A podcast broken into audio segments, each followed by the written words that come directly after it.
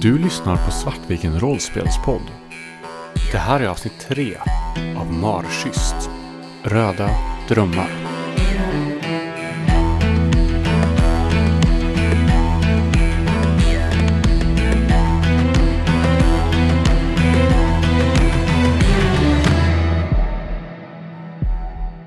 Du sitter i lunchrummet på äldreboendet där du jobbar. Vad heter äldreboendet? Det heter Trygga rum. Det är tio år sedan den där klassutflykten. Tio år sedan Yoshiko försvann. Tio år sedan som den troligtvis värsta dagen, upplevelsen i ditt liv, på gymnasiet i alla fall, hände. Hur har det påverkat dig sedan dess? Det var där det började. Det var där första startskottet. Jag såg det inte då, men jag borde sett att det, det var lika bra att inte... Jag borde inte åkt till Stockholm, jag borde inte satsat så mycket på Annie. Jag borde sett att, att jag bara är en vilsen själ i en stor skog och alla kommer försvinna från mig. Så som Yoshiko försvann. Och jag ångrar att jag inte såg henne för den hon var då. För hon var en fantastisk människa. Men ja, jag är lika ensam nu som jag var där ute i skogen. Jag bara visade inte lika mycket. Utanför fönstret i lunchrummet där du sitter på äldreboendet Trygga Rum så är det som att vädret tycks matcha dina mörka tankegångar. Det är mörka moln som täcker himlen och tunga regndroppar faller från skyn. På håll kan du höra det dova mullrandet av åska och då och då klyvs himlen i en klar blixt. Kollegorna tittar ut genom fönstret och de är fascinerade av vädrets makter.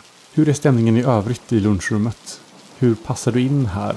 Vad är din plats på arbetsplatsen? Jag sitter i ett hörn en bit in och löser ett korsord i en av de där eh, kvinnoblaskorna.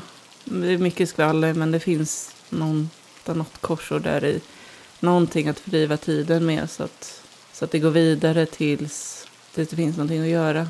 Lunchen är ju i och för sig det mest hektiska på hela dagen i att vi faktiskt måste få ut maten till alla de boende och vi eh, måste se till att få, få ordning så att de tar de korrekta tabletterna. Jag är väl inte den eh, som tar mest plats i rummet här utan jag finns här, jag sköter mitt jobb men eh, de, eh, jag har väl inte så mycket gemensamt med de andra. Du har ingen kollega som du står extra nära eller så? Det finns ju Märit som, det var ju hon som lärde upp mig kan man säga. Så att om det är någon som, som jag står extra nära så är det ju hon. Det är hon som eh, brukar, ja, nu för tiden har plockat till sig lite tidningar som faktiskt har någonting i sig och inte bara kungafamiljer och kändisar. Och när vi hjälper någon av de boende med att ta sig ur sängen så brukar det vara hon och jag som jobbar tajtast ihop.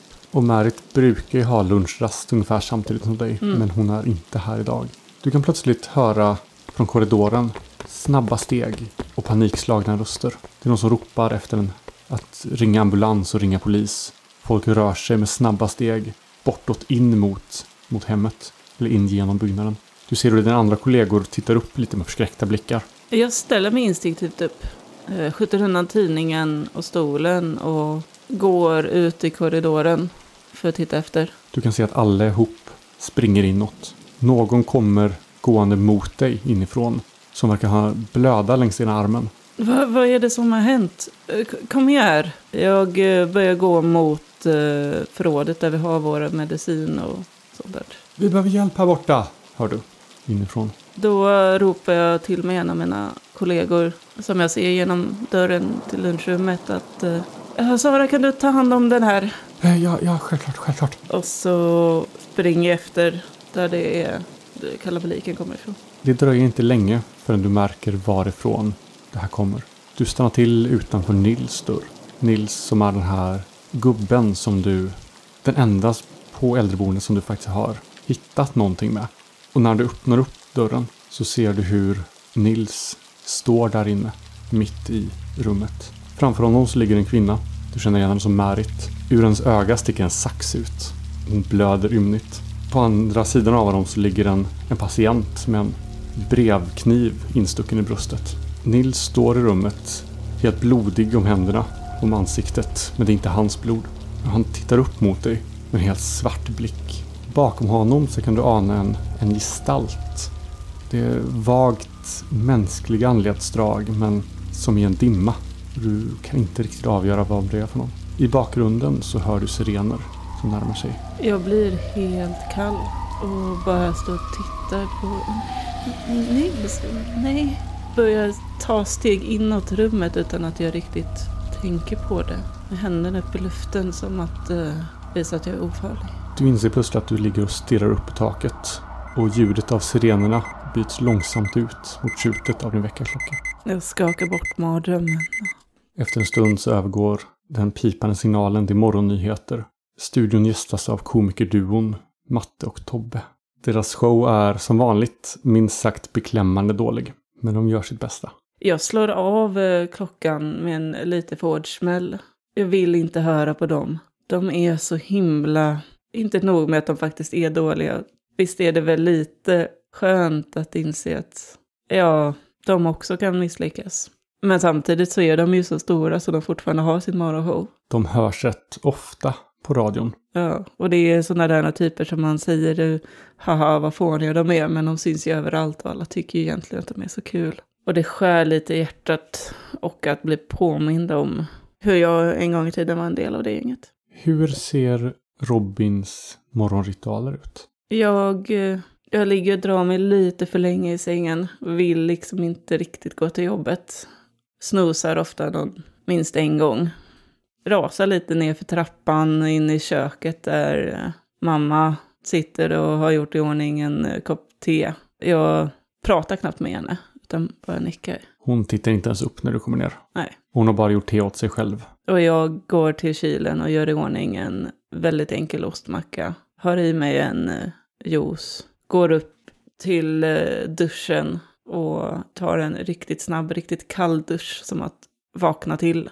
Och då kommer tempot och jag kommer på att jag är tio minuter försenad från vad jag borde vara och nu måste jag riktigt springa till äldrerumshemmet för att komma i tid. När du lämnar huset så hör du din mammas röst bakom dig. Robin? Ja, mamma. Du glömmer väl inte att Joakim kommer ikväll? Du har inte bokat upp det på någonting va? Nej, mamma. Var inte sen. Vi bjuder på hans favoriträtt. Jag slår igen dörren. Svarar inte på det. Du får ju aldrig din favoriträtt. Inte ens när du fyller år. Om du inte gör den själv. Nej. Hur ser Robin ut nu när han har växt tio år sedan sist vi träffade honom? Han är ganska stor. Har starka muskulösa ärmar. Men är lite knubbig. Han har ett skägg som är, det är inte ovårdat, eh, men det är inte sådär supervälansat. Han har faktiskt behållit den här snedluggen från gymnasiet. Mest av nostalgiskäl och han vet inte riktigt vad han skulle göra annars. Till vardags så går han runt i någon enkel jeans och lite för stor t-shirt. Eh, man kan skymta någon tatuering på ena överarmen. Är den här frisyren någon slags försök att hålla kvar vid det som kunde ha varit? Likt en, en alternativ nutid där du kunde varit rockstjärnan liksom. Så är det, absolut. Det är ändå något slags minne av att jag kan ändå. Men eh, jag tror också att det är lite av den här ofrivilligt smärta mig själv. Att känna att jag förtjänar att påminnas om vilket misslyckande jag är. När du kommer till jobbet, var, var bor du nu för tiden? Är det Uddevalla du bor i fortfarande eller har du flyttat någon annanstans? Jag bor ju, jag har flyttat tillbaka till mitt barndomshem i Uddevalla. Tog en tur till Stockholm med Annie, men ja, det gick ju som det gick. Nu har jag flyttat tillbaka hem till uh, mamma. Så jag bor i uh, en uh, lägenhet ganska centralt i Uddevalla. Det tar kanske en kvart att gå till ålderdomshemmet. Och när du kommer fram till ålderdomshemmet så möts du av, av Märit som sitter i fikarummet och dricker på en kaffe. Och du kan se att hennes ena öga är rutt och liksom svullet. Hon sitter och gnider sig i det hela tiden. Jag går fram och tittar lite på ögat. Hur är det med dig?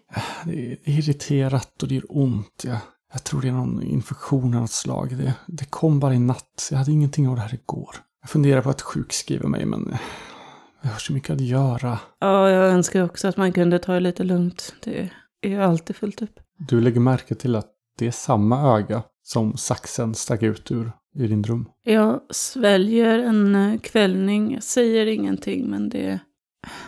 Det måste vara ett konstigt sammanträffande. Nej, Jag eh, sätter mig bredvid henne och tar en kopp kaffe åt mig själv. Har det kommit några nya tidningar idag? Nej, leveransen är fortfarande inte här. Du vet hur de är på fredagar. Det är så frustrerande. Ja, ja jag får väl eh, ta min runda. Hur är det med dem eh, nu? Jo, men det, det är bra. Eh, Tor har lite, lite bröstsmärtor. Det kommer ju till och från så. Men i övrigt tror jag de mår, mår, bra. Nils verkar vara inne i en period igen. Du vet hur han ibland blir när han sitter och bara, bara fyller bok, anteckningsbok efter anteckningsbok med de här konstiga, nästan kantiga liksom bokstäverna. Det är som att han är inne i trans och inte är medveten om, om någonting om, omkring sig. Ja, det är ingenting jag har läst om, men ja. Det är väl sådana han. Det är så synd med tanke på hur de trevliga episoderna när han verkligen kan vara social. Ja, nej han... Ja, men det, det brukar gå över rätt fort i alla fall. Det är nog något. Men kolla, kolla in Tor först så. Mm. Jag sveper min eh, kopp kaffe och börjar gå bort mot Tors rum. Och när du ser Tor sitta där inne på sängen med dagens DN så kommer du på att, men var det inte Tor som låg på golvet där i, i drömmen också bredvid Merit? Han som hade en brevkniv instucken i, i bröstet. Och du kan se hur Tor sitter, liksom han gnider sig över, över bröstet som att han har ont i, i hjärtat. Jag går in till... God morgon Tor. God morgon. Hur är läget med dig? Allting bra? Ja, det är en oh, härlig... Mm. Hur är det? Ja, det sticker som, in, som 17. Men det, jag tror det går bra. Det, jag får ju sådana perioder ibland.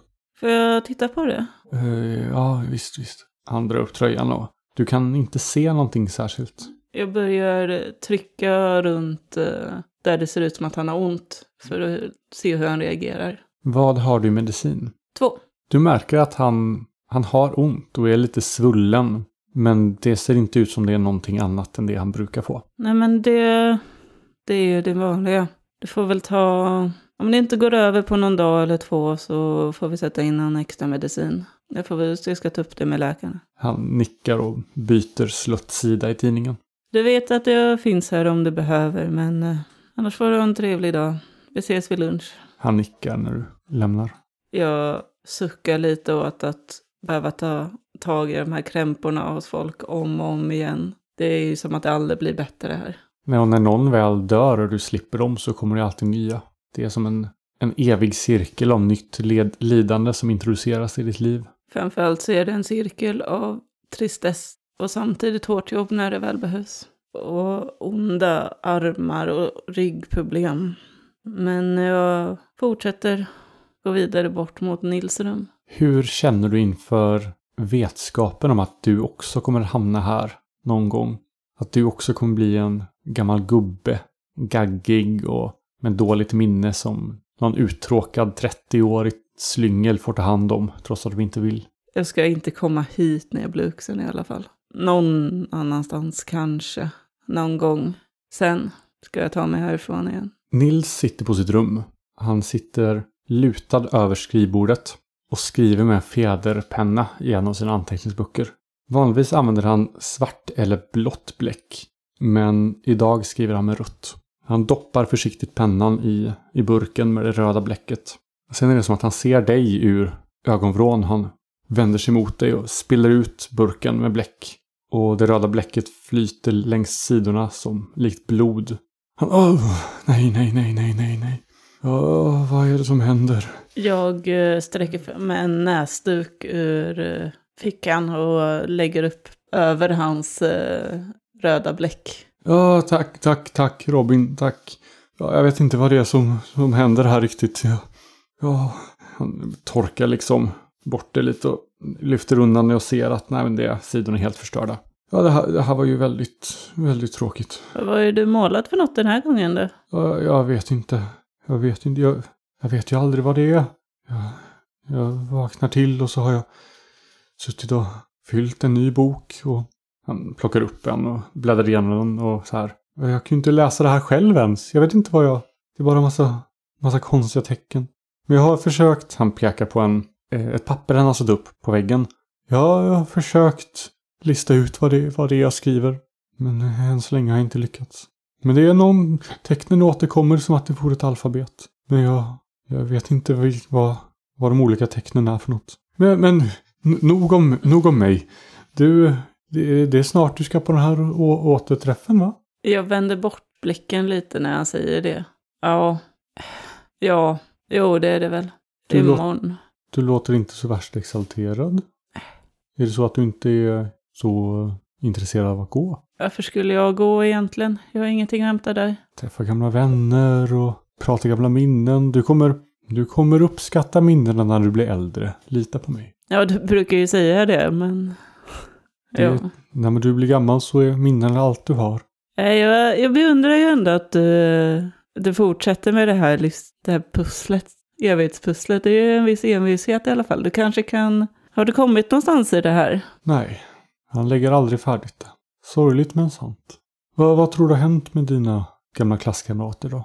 Ja, jag, jag hörde Matte och Tobbe på radion i morse. De stökar och håller på som vanligt. Så. Ja, är det gamla klasskamrater till dig? Ja, visste du inte det? Var de lika jobbiga då som de är nu? Jag såg det nog inte då, men ja. Ja, ja vilket, vilket par va? ja då vet du vad jag skulle ha se fram emot. Kanske inte borde gå. Dum idé. Men det måste väl finnas någon du ser fram emot att träffa? Någon gammal flamma eller någon gammal vän? Jag kan inte tänka mig att du är helt ensam på gymnasiet. Du måste ha varit väldigt populär. Att vad var ordet som du sökte? Ja. Sen så försökte jag för mycket och så kom man tillbaka hit. Och, ja, det var väl ens hem på något sätt. Men du vet, man kan alltid titta tillbaka på, på det förflutna och tänka att det kunde varit värre. Skratta åt, åt det förflutna. Gläds över att, att det förflutna är, är det förflutna och, och gläds över vad du har idag. Det finns alltid någonting att glädjas för. Mm. Jag satt mig ner på en stol och tittade ut lite grann. Det är... Det tar emot att höra honom prata, men han har en så härlig röst och det, just nu är det ingen annan som behöver min hjälp. Mm. Berätta ett, ett gott minne du har från gymnasiet. Om en, om en god vän eller en, en händelse som du minns med, med värme och, och glädje. Det var skolavslutningen i tvåan. Vi satte upp Rent och jag, jag spelade ju Roger. Eh, Och vi... Det var riktigt häftigt hur vi verkligen lyckades få till Season of Love och vi, vi körde den fantastiska kanonen. Han eh, gestikulerar bort mot en gitarr som står i sitt case. Skulle du kunna tänka dig att spela lite? Du vet ju hur jag uppskattar när du spelar för mig. No, nej, det var så länge sedan. Jag tror inte jag kan längre. Han ser besviken ut. Som att du har sagt någonting som verkligen har, har sårat honom. Ja, okej. Eh, men ja, eh, men vad, vad är det du, du fruktar med, med den här klassåterträffen? Jag märker att det är någonting som håller dig tillbaka. Som, vad, vad var det som hände, Robin? Annie kommer ju vara där. Ah, men henne har du, har du nämnt ja. Det slutade inte så väl där va? Nej, jag la alla kort på henne. Jag trodde vi var allt på gymnasiet. Hon och jag för evigt. Vi skulle flytta till eh, Stockholm. Vi flyttade till Stockholm. Jag vet inte hur, men hon lyckades fixa någon, eh, någon lägenhet i stan. Allting bara flöt på. Och sen, eh, ja det var så mycket saker man behövde anstränga sig med. Åren gick jag. Jag vet inte vad som hände. Plötsligt så stod hon där med han den andra. Det är ingen trevlig känsla. Jag har, jag har också varit där. Jaså? Ja, det var väl lite av en uh, tjejsusare, eller? Han ler ett, ett fånigt leende som att så här. Det är ju inte helt osant men han vill ju inte riktigt erkänna det. Ja men en eller två träffade man väl i sin ungdom men hon den där som verkligen kändes som att hon var den för mig. Margareta. Hon äh, lämnade mig till slut. Han verkar försvinna bort lite i, i minnenas skuggor. Och jag försvinner in i minnena kring vad som hände med Annie. Och ni sitter där i tystnad och minns tillsammans. Och sen är det som att han rycks ut igen ur den här dimman och han lutar sig framåt mot dig och lägger en, en hand på din axel och tittar in i dina ögon. Det kommer bli okej Robin. Det kommer bli mycket bättre än vad du tror att det kommer bli. Du är en, en god man som har kommit långt i livet. Och många du träffar imorgon kommer se på ditt liv med, med avund. Jag vet inte någon som skulle kunna... Förlåt Nils, men jag vet inte någon som skulle kunna se på det här med avund. Du får se. Du får se. Ja, slänger en blick på klockan. Det är väl dags för en tupplur, tror jag. Ja, jag väcker dig vid lunchen. Det blir jättebra. God natt. God natt. Arbetsdagen går och tar slut. Och sen är det bara familjemiddagen kvar. Tillsammans med din mor, Lisbeth och din bror Joakim. Joakim har kommit ända från Stockholm. Han har eh, tagits emot nästan kungligt av din mor. Som ju ser i Joakim allt det hon hade hoppats att, att du skulle bli.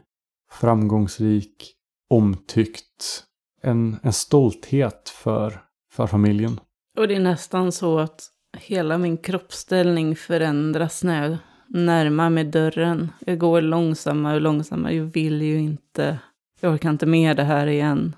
Jag blir mindre nästan rent fysiskt av den skulden som hon lägger på mig. Och redan när du öppnar ytterdörren så känner du ju lukten av, av Joakims favoritmat. Du ser Joakims skor stå i hallen. Hans jacka hänger på kroken. Alltså jag tycker egentligen om Joakim. Det är inget fel på honom. Så han är ju ganska trevlig. Jag bara önskar att det hade varit jag. Sen, eh, hallå i stugan. Välkommen hem Joakim.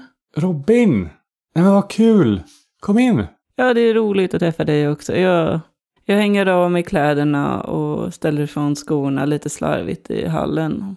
Går in mot köket med släpande steg. Och du möts av Joakim som kommer ut för att träffa dig.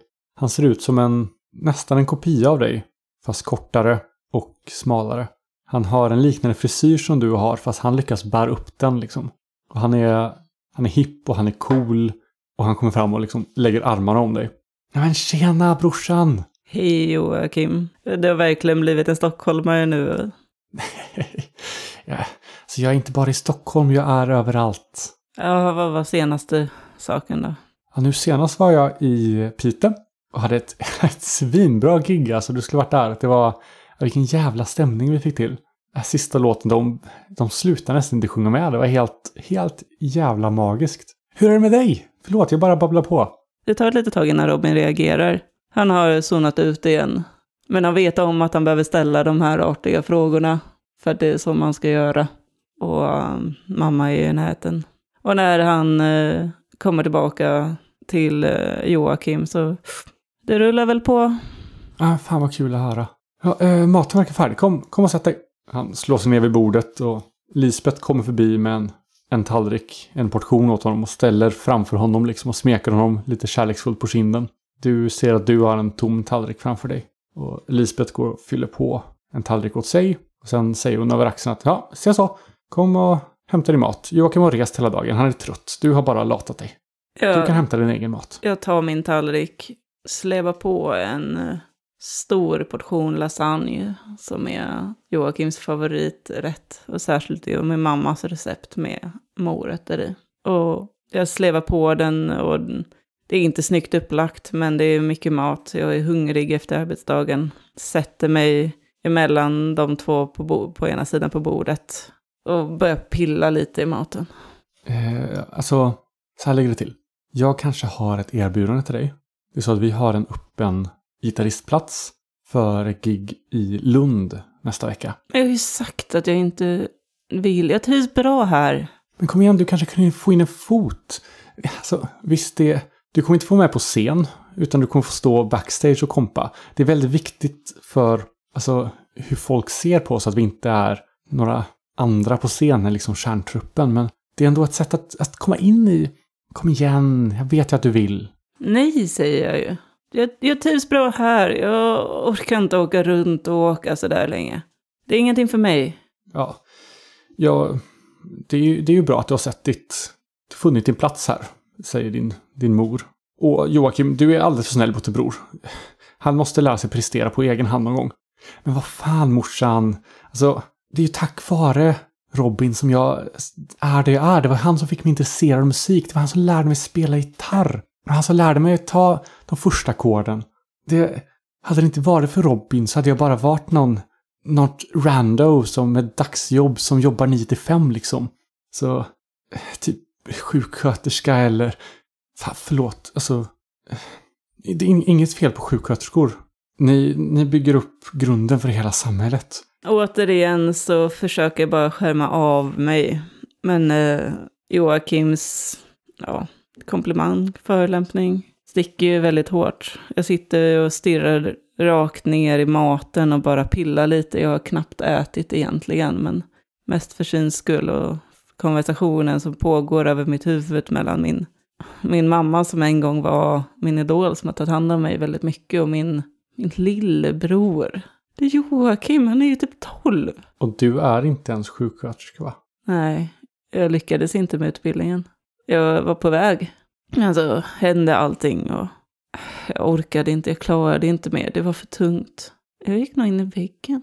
Det var som att allting bara blev, blev gott och jag hade inte energi till någonting.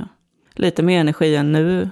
Och då hade jag inte ork att, att ta tag i allting. Och ja, jag kanske var lite för, litade lite för mycket på Annie och jag kanske inte tog så mycket initiativ som jag borde. Men eh, alltså, vart kom han ifrån? Jag vet inte. Och han, eh, nej, inte ens sjuksköterska kan jag bli. Inte ens någonting som min typ 12-åriga lillebror ser ner på. Så spelar du någonting fortfarande? Eller? Har, har du hittat något nytt band eller vad är nästa steg liksom? Du måste väl ha en plan? Det här är mitt steg. Ja, fan, du måste väl satsa lite? Alltså, Men så här, okej. Jag känner folk. Du behöver bara fråga. Jag, I'll hook you up. Det finns liksom oändliga möjligheter där ute. Jag kan fixa en, en manager åt dig. Jag kan fixa ett bakgrundsband. Du kan... Vi kan, alltså, du kan... Du kan bygga på den... Alltså, du gav mig möjligheterna att, att komma dit jag är. Använd, använd mitt kändisskap, vårt namn för att bygga någonting för dig jag slår in eh, besticken i tallriken och ställer mig upp. Och så stirrar jag på Joakim. Jag orkar inte med dig längre. Nej, säger jag. Låt mig vara. Vad fan brorsan, förlåt. Jag vill, jag vill bara att det ska gå bra för dig. Jag ställer tillbaka stolen som har ramlat ner bakom mig. Jag äter på mitt rum, morsan. Ja, gör som du vill. Och så tar jag med mig tallriken upp på mitt rum. Slår igen dörren. Sätter på otid på högsta volym och bara försvinner in i tankarna.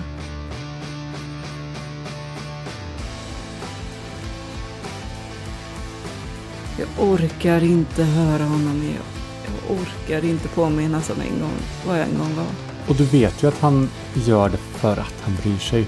Och det är det värsta. Han ser det verkligen som att så här, du hjälpte honom komma dit han är nu. Varför får inte jag ge tillbaka den tjänsten? Och det är det värsta att han inte, att han inte kan se hur, hur ont han gör mig. Att jag kan, jag kan inte ens beskylla honom för att vara elak mot mig.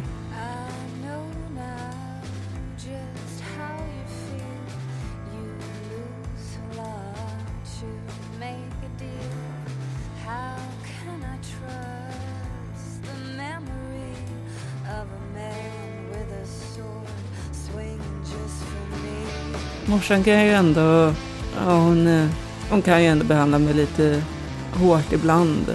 Men Joakim försöker ju ändå bara vara snäll. Och då kan jag ju inte vara arg på honom. Samtidigt som jag hatar honom så grymt mycket. Det är så blandade känslor. Kvällen går och du inser att imorgon är det klassåterträffen. Det, du bor ju i närheten så du kan ju åka liksom på förmiddagen. Åka ut den här stugan uppe i, i skogen som ni har hyrt. Något spa med någon utebastu och någon pool och, och hela faderullan. Du är inte helt säker på vilka som kommer. Du tror att det är en lärare åtminstone, sannolikt Roger.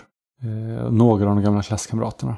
Du har väl inte varit i kontakt med nästan någon av dem sedan den tiden? Jag tappade ju Matte och Tobbe när vi flyttade från Stockholm. Vi, vi höll väl lite smått kontakt första året och sen efter två år, lite mindre efter tre år så nej, då hade vi ingen kontakt alls. Det var, när jag kom till, försökte komma tillbaka till kompisgruppen så var det inte som att det var någonting som var detsamma längre. Resten av dem så, nej, det var inte värt att hålla kontakten då trodde jag. Jag trodde att jag skulle bli känd. Jag tänkte väl att de skulle väl komma på mina spelningar och sådär också. Det gjorde de ju ett litet tag. Annie har jag ju inte sett sen jag stack. Sen jag flyttade dit. Eller ja, jag stack. Det var väl med hon som lämnade mig och fick mig att flytta tillbaka för att hon behöll lägenheten. Och det är med dessa tankar virvlande i huvudet som du lägger dig i sängen och somnar. De, de sista tankarna som går genom mitt huvud, det är en virvel av ska jag gå, ska jag inte gå? Jag orkar inte gå, jag orkar inte träffa dem igen. Jag, jag vet inte vad jag skulle klara av att träffa Annie och Matte och Tobbe igen. Eller Elias för den delen. Och jag orkar inte med deras blickar på det misslyckande jag blivit. Men samtidigt så skulle jag vara ett ännu större misslyckande om jag inte skulle dyka upp. För då skulle de kunna kalla mig feg. Men eh, kanske hellre feg än misslyckad. Nej, jag vet inte. Men jag borde gå. Morsan skulle ju aldrig låta mig vara annars. Och det är de sista tankarna som går genom huvudet medan jag somnar. Du har lyssnat på Svartviken rollspelspodd som spelar Skrumt. Skrumt är skrivet av Kristoffer Warnberg och ges ut av Bläckfisk förlag. Musiken är gjord av Alexander Bergil. Låten I know now är gjord av Otid.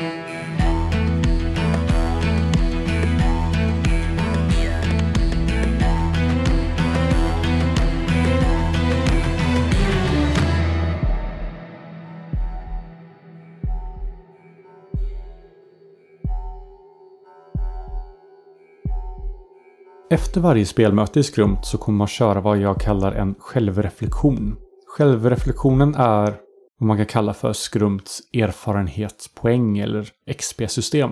Och i det här steget så kommer man reflektera kring en eller flera olika områden. Och då har vi rollpersonernas agerande där man pratar lite om vad har rollpersonen gjort under spelmötet och har det hänt någonting som har påverkat rollpersonens världssyn eller framtida agerande. Man kan också reflektera kring rollpersonens relationer och kontakter.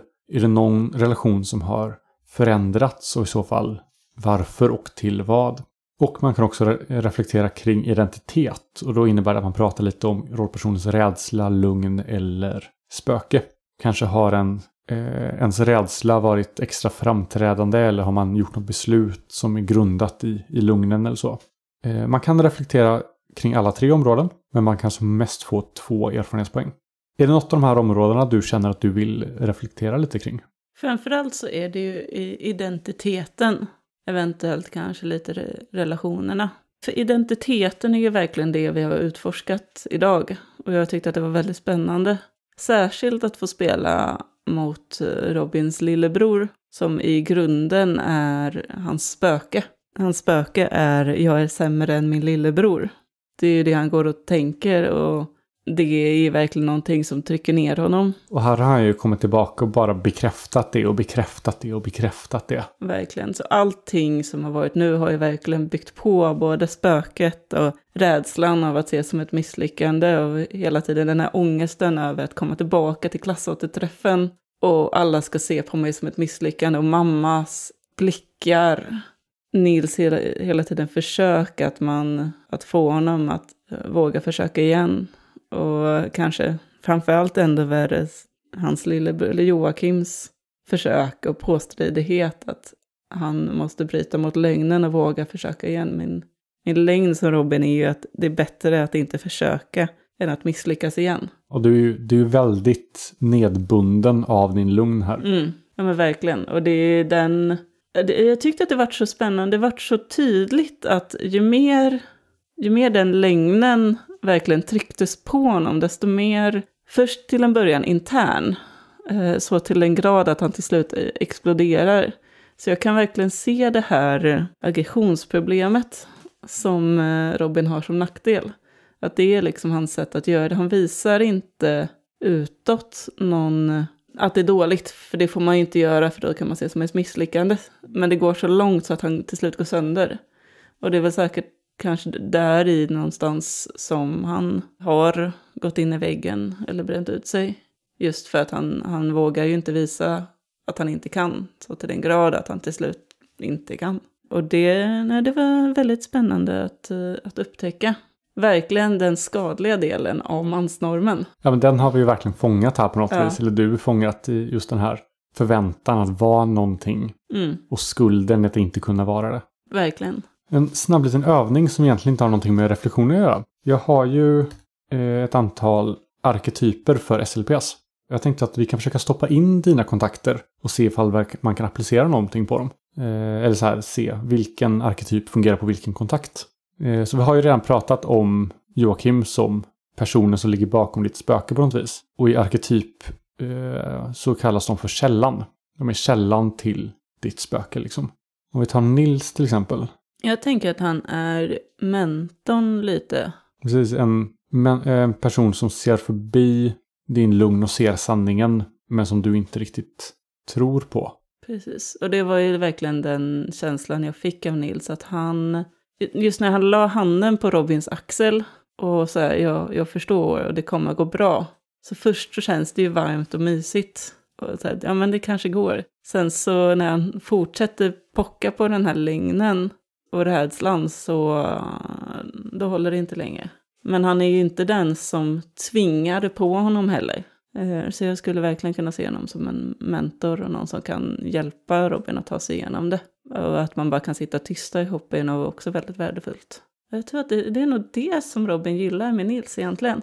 Att han kan, han kan vara tyst och behöver inte ha den här prestationen. Utan den bara är. Nej, det kan ju verkligen vara en sån alltså, trygghetsfaktor. Att Mm. du behöver inte visa dig duktig. Du kan bara vara Precis. den du är. Jag behöver inte, nej men verkligen, jag behöver inte vara artig, jag behöver inte säga någonting. Man, man bara är. Han tvingar inte på att jag ska göra någonting överhuvudtaget, utan bara är ganska nöjd över att ha mig vid honom. Ja, men då tycker jag att du har reflekterat bra både kring identitet och relationer. Så du kan ta två stycken erfarenhetskryss där. Om du kommer upp i fem så kan du höja en färdighet och kommer du upp i, åt, i tio så kan du höja ett attribut. Eh, du kan också höja kunskapsområden men de tar också tid. Så för att höja ett kunskapsområde från ett till två så behöver du lägga några veckors studier eller praktiserande av kunskapen. Och sen spendera fem erfarenhetspoäng då för att höja den. Gud vad vettigt. Ja, om man inte bara blir bättre pang på, på expertområden så.